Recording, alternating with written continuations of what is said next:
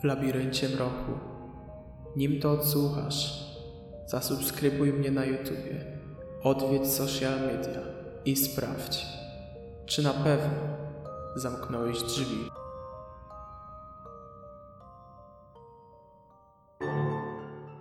Paul wyszedł z samochodu.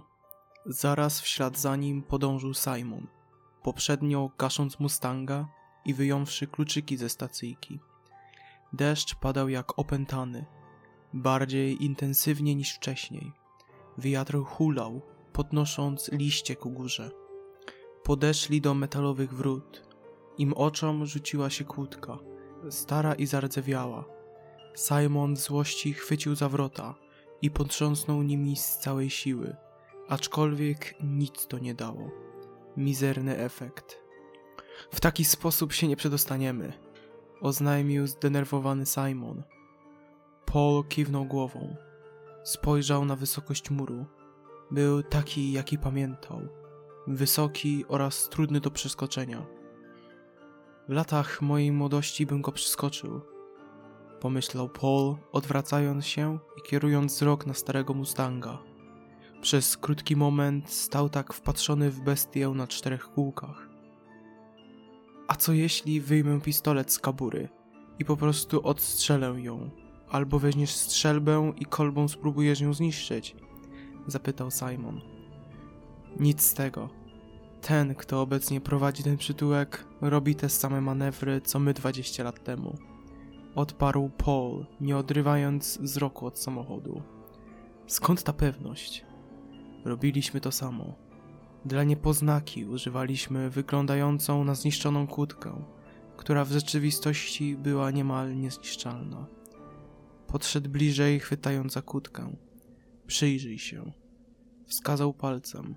Potrójne wzmocnienie. Prawdopodobnie wykonane z wolframu. Nawet strzał strzelby nie dałby rady. Oznajmił, opuszczając kłódkę. To co zrobimy? Zapytał nerwowo Simon. Nie wdrapiemy się na górę. Zdaję sobie z tego sprawę. Nie w tym wieku, ani nie z tym brzuchem piwnym. Jak bardzo kochasz swój samochód? Uciął Paul. Simon rozszerzył brwi zdumienia. A co? Moglibyśmy wsiąść do środka i dosłownie wyważyć wrota. Nie dokończył. Tym razem przerwał mu Simon. Nie, nie, nie, nie. Nie zgadzam się. Odparł stanowczo Simon, podchodząc do samochodu. Nie nim. Paul w następnych minutach przekonywał Simona o swoich racjach, że zawiasy bramy nie są w najlepszej jakości i nie stawiłyby żadnego problemu Mustangowi. Poza tym, wydawałoby się to dużo mniejszy hałas niż strzelanie z pompki bądź z rewolwerów w pojedyncze zawiasy nie wspominając o marnowaniu potrzebnej amunicji. Simon jednak nie ustępował. Nie ma szans. Ten samochód służy mi od dawna. Byłbym w stanie oddać żonę niż zniszczyć ten samochód. To daj mi kluczyki. Wyciągnął rękę przed siebie Paul. Ja nim wjadę i pokryję koszty naprawy. Po chwili namysłu Simon przystał na propozycję Paula. Wyjął kluczyki z kurtki i podał je Paulowi. Następnie oboje udali się do samochodu. Simon po stronie pasażera, a Paul po stronie kierowcy. Paul włożył kluczyki do stacyjki, nacisnął sprzęgło i wrzucił wsteczny bieg.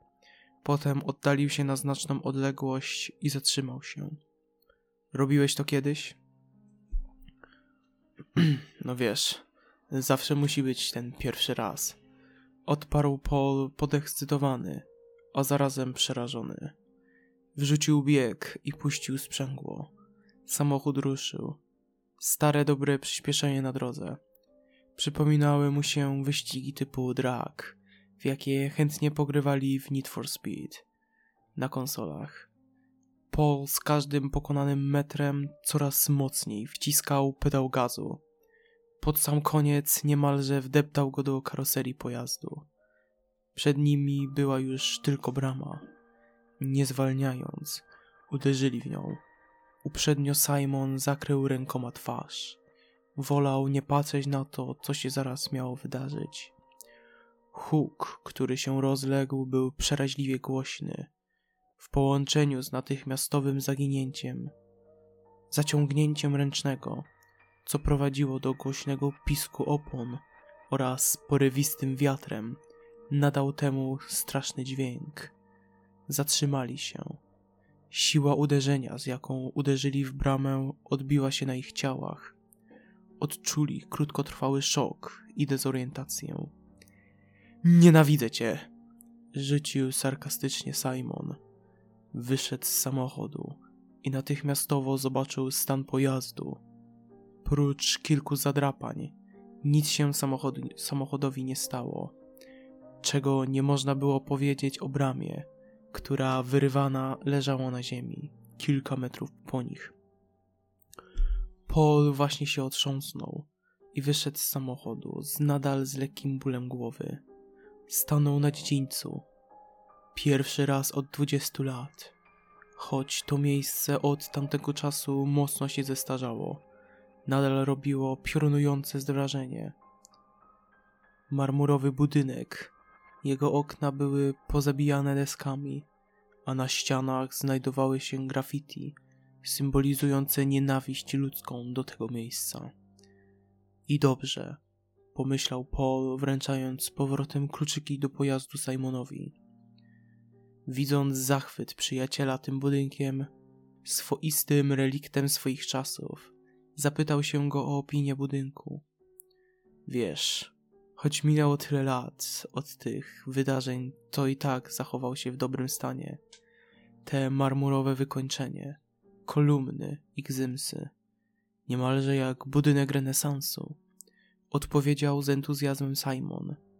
Gdyby nie mroczna historia, jako to się wydarzyło, można by go nazwać muzeum, dodał.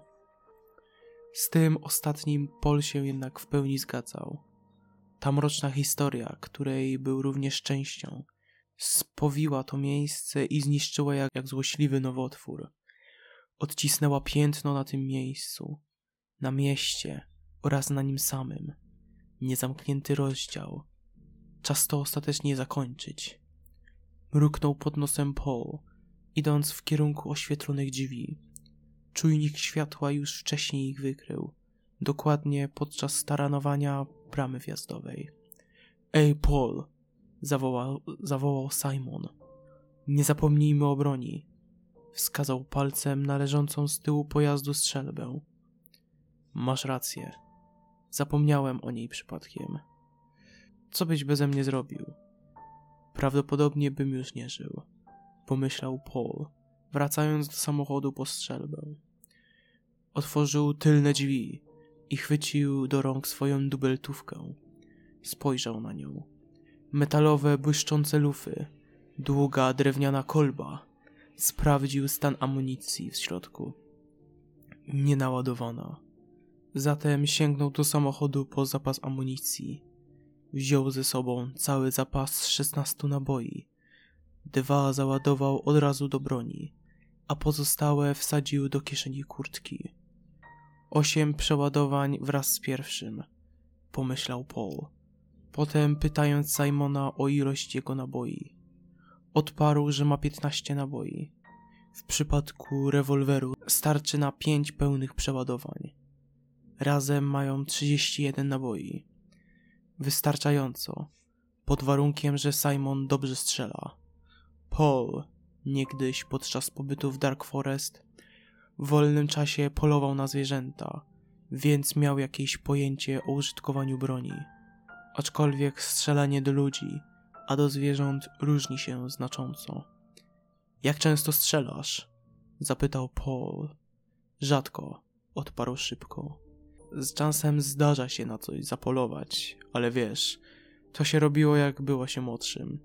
Ale potrafię wycelować i oddać strzał. Mówili na mnie sokole oko w młodości. Tak, a na mnie ojciec chrzestny. Zaśmiali się oboje głośnym śmiechem. Na chwilę zapomnieli, co zrobili oraz o tym, co ich czeka po przekroczeniu tych drzwi. Deszcz padał na ich głowy. W tamtej chwili nic nie miało dla nich znaczenia. Zapomnieli o okolicznościach, w jakich tu przybyli. Zapomnieli o dwóch znalezionych ciałach w łazience oraz o późniejszym zakopaniu ich, o odorze śmierci, która panowała w samochodzie, o tym dziwnym kontuarze pomiędzy dwoma drzewami, który pojawił się znikąd i podobnie z nienacka zniknął, oraz zapomnieli o najważniejszym, o zbliżającym się momencie wejścia prosto do piekła, przekroczenia na własne życzenie wrót piekielnych. Gotowy? Zapytał Paul, przerywając tym samym śmiech i luźną atmosferę. Simon kiwnął głową, potwierdzając swoją gotowość. Paul w odpowiedzi wskazał brodą na niewielkie stare drzwi. Podszedł do nich i chwycił za klamkę. Te z lekkim oporem ruszyły się, tworząc przejście dla dwójki mężczyzn. Ci, będąc równocześnie zdenerwowani, a zarazem w głębi duszy przerażeni, unieśli broń w górę i powolnym krokiem weszli do środka. Hol główny, hol główny był oświetlony bladym, ciepłym światłem. Był ogromny. W jego skład wchodziło pierwsze piętro oraz drugie. Na pierwszym odbywały się spotkania rekreacyjne. Dokładne spotkania uśmiechających się jak na broszurach pielęgniarzy oraz ludzi, którzy oddawali swoje dzieci, rodziców bądź innych niewygodnych dla nich i tak trudnego życia w ręce kłamstwów, kłamców i morderców. Były tu już zniszczone kanapy, meble. Po prawej stronie od środka holu znajdowało się kiedyś akwarium. Po lewej była sala komputerowa. Na wprost było wejście na werandę, a wcześniej rozwidlenie stworzone ze schodów, które prowadziło na piętro drugie. Tam znajdowały się kwatery mieszk mieszkalne dla tych szczęśliwców, co nie dostali się pod opiekę doktora Coopera. Kiedyś piękny balkon, stworzony przez jednych z lepszych architektów, obecnie popadał w ruinę. Kolumny oraz gzymsy były obrośnięte pleśnią oraz grzybem, nie wspominając o barierkach. Paul wraz z Simonem odnieśli wrażenie, że wejście tam skończyłoby się rychłym upadkiem. To gdzie idziemy, Paul? Zadał pytanie Simon. Paul pokręcił głową to w jedną, to w drugą stronę. Powinniśmy pójść na lewo, tym korytarzem, orzekł, wskazując palcem tamto miejsce. Tamtędy dojdziemy do skrzydła B. Tam powinien znajdować się John. Simon nie powiedział nic, Puścił przodem bardziej obyłego w schemacie tego miejsca pola, tym samym zabezpieczając tył. Wejdziemy jeszcze do pomieszczenia ochrony. Rzucił Paul. Jest po prawej stronie tego korytarza. Świetny pomysł. Odparł krótko Simon. Minęli dwoje równoległych do siebie drzwi. Jasność, która panowała w tym miejscu, ukazywała wszelkie ślady upływu czasu zniszczone drzwi, odchodząca farba ze ścian. W kątach pajęczyny i wszechobecnie panujący kurz, kawałki potłuczonego szkła. Wszystko wyglądało na opuszczone od kilkunastu lat. Jest i pomieszczenie ochrony, rzekł Paul, wskazując je końcem lufy. Powiedział Simonowi, by go osłaniał, podczas gdy on sam będzie sprawdzał, czy drzwi są otwarte. Wpierw jednak, zanim do tego doszło, nachylił się nad nimi i wsłuchał, czy ktoś w środku się znajduje. Jednakże z zewnątrz nie docierały żadne odgłosy. Wobec takiego przebiegu wydarzeń, Paul dłużej nie czekał.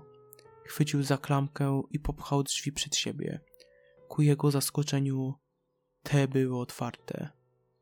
Posłał wymowne spojrzenie w kierunku Simona. Następnie oboje weszli do ciemnego pomieszczenia. Masz latarkę? Zapytał Paul z nadzieją, że usłyszy odpowiedź twierdzącą.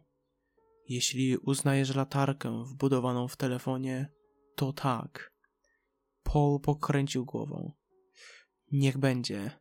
Włącz nią, a ja w tym czasie poszukam włącznika.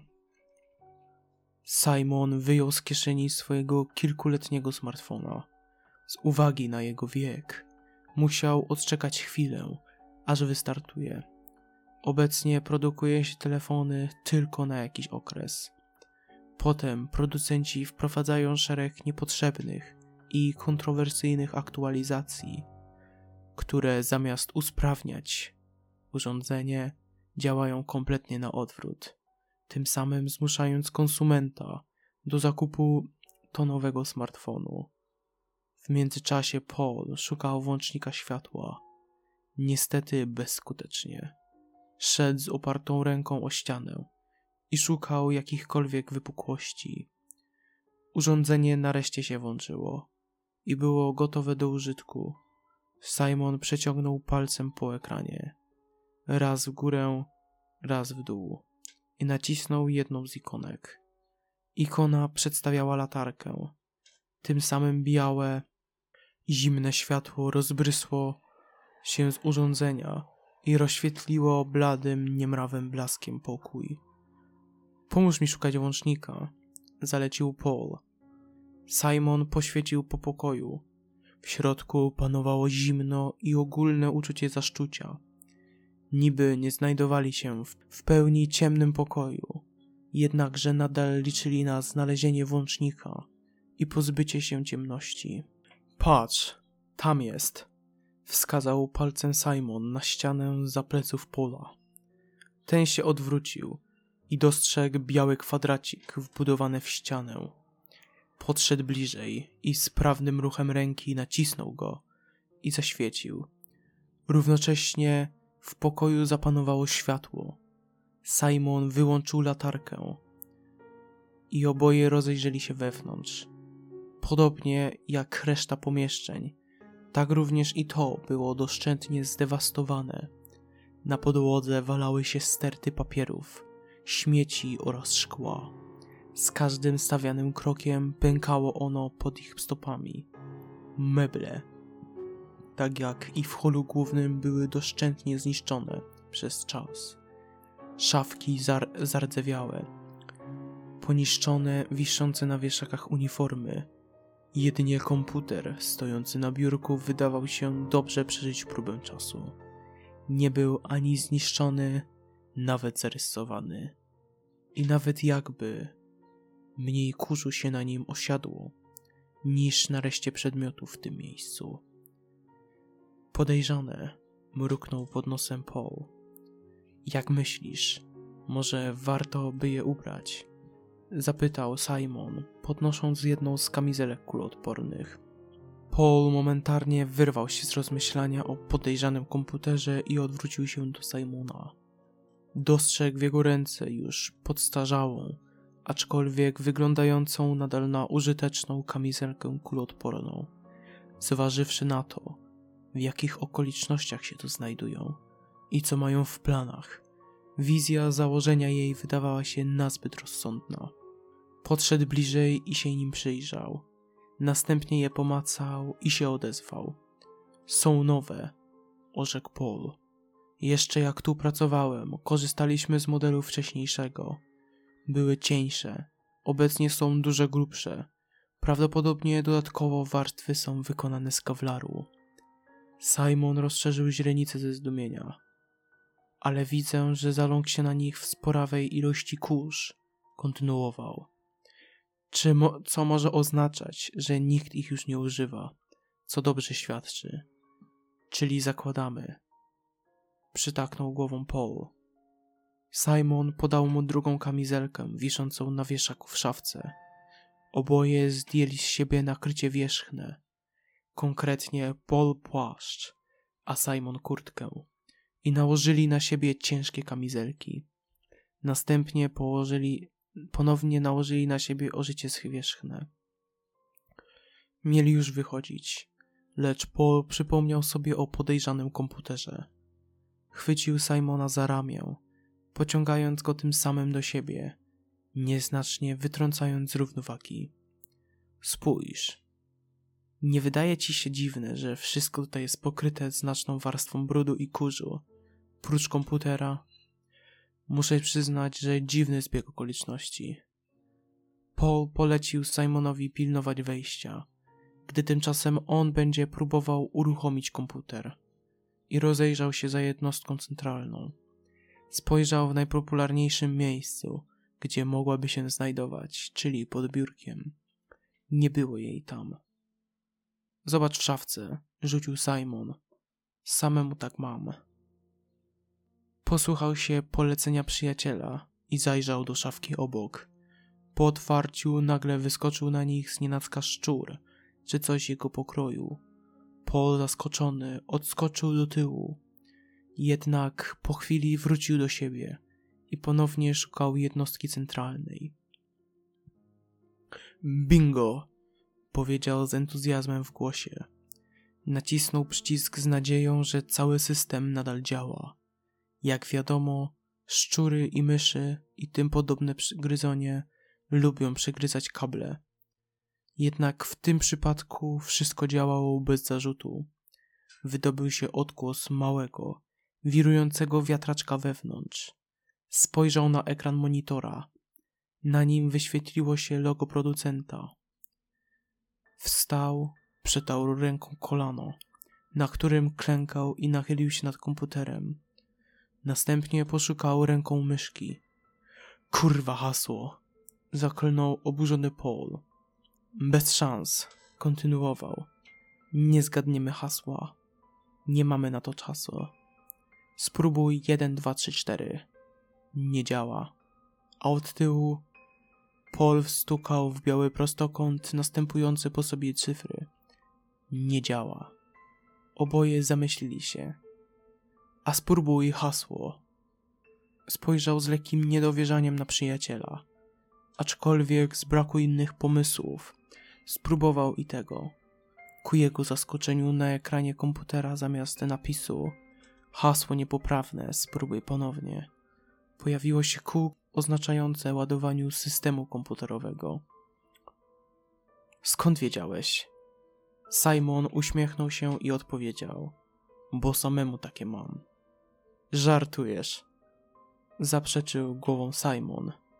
Przecież jest to najbardziej oczywiste hasło, jakie może istnieć. A spróbowałbyś, miał rację. Nie spróbowałby tego hasła. Nie ze względu na trudność, a z powodu, że jest za bardzo oczywiste. Wrócił wzrokiem na ekran monitora. Przed nim ukazał się pulpit z kilkoma ikonami. Chrome, Firefox, Skype i tym podobne. Orzekł Paul.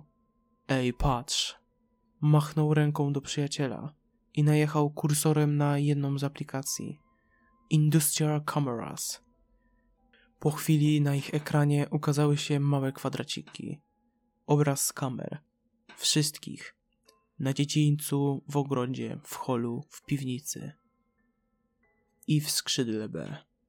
Możesz jakoś przybliżyć obraz? Chyba. Kliknął Paul w napis skrzydło B. Tym samym obraz z kamer w tamtym miejscu znacznie się powiększył. Paul, dostrzegając to, co się dzieje, zamarł w bezruchu. Jego ciało przeszedł zimny dreszcz. Język, ciało oraz wszystko inne mu zdrętwiało. Nie mógł się ruszyć. Przerażenie zawładnęło nim. Stary, co się dzieje?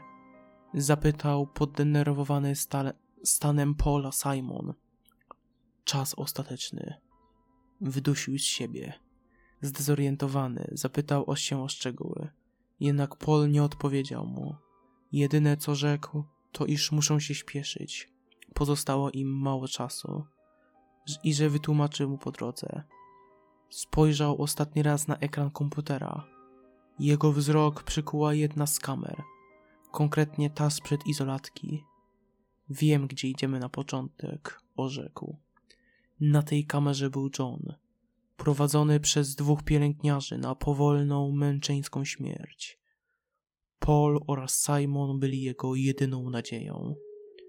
Słodkich snów. Scenariusz i realizacja Paweł Klima.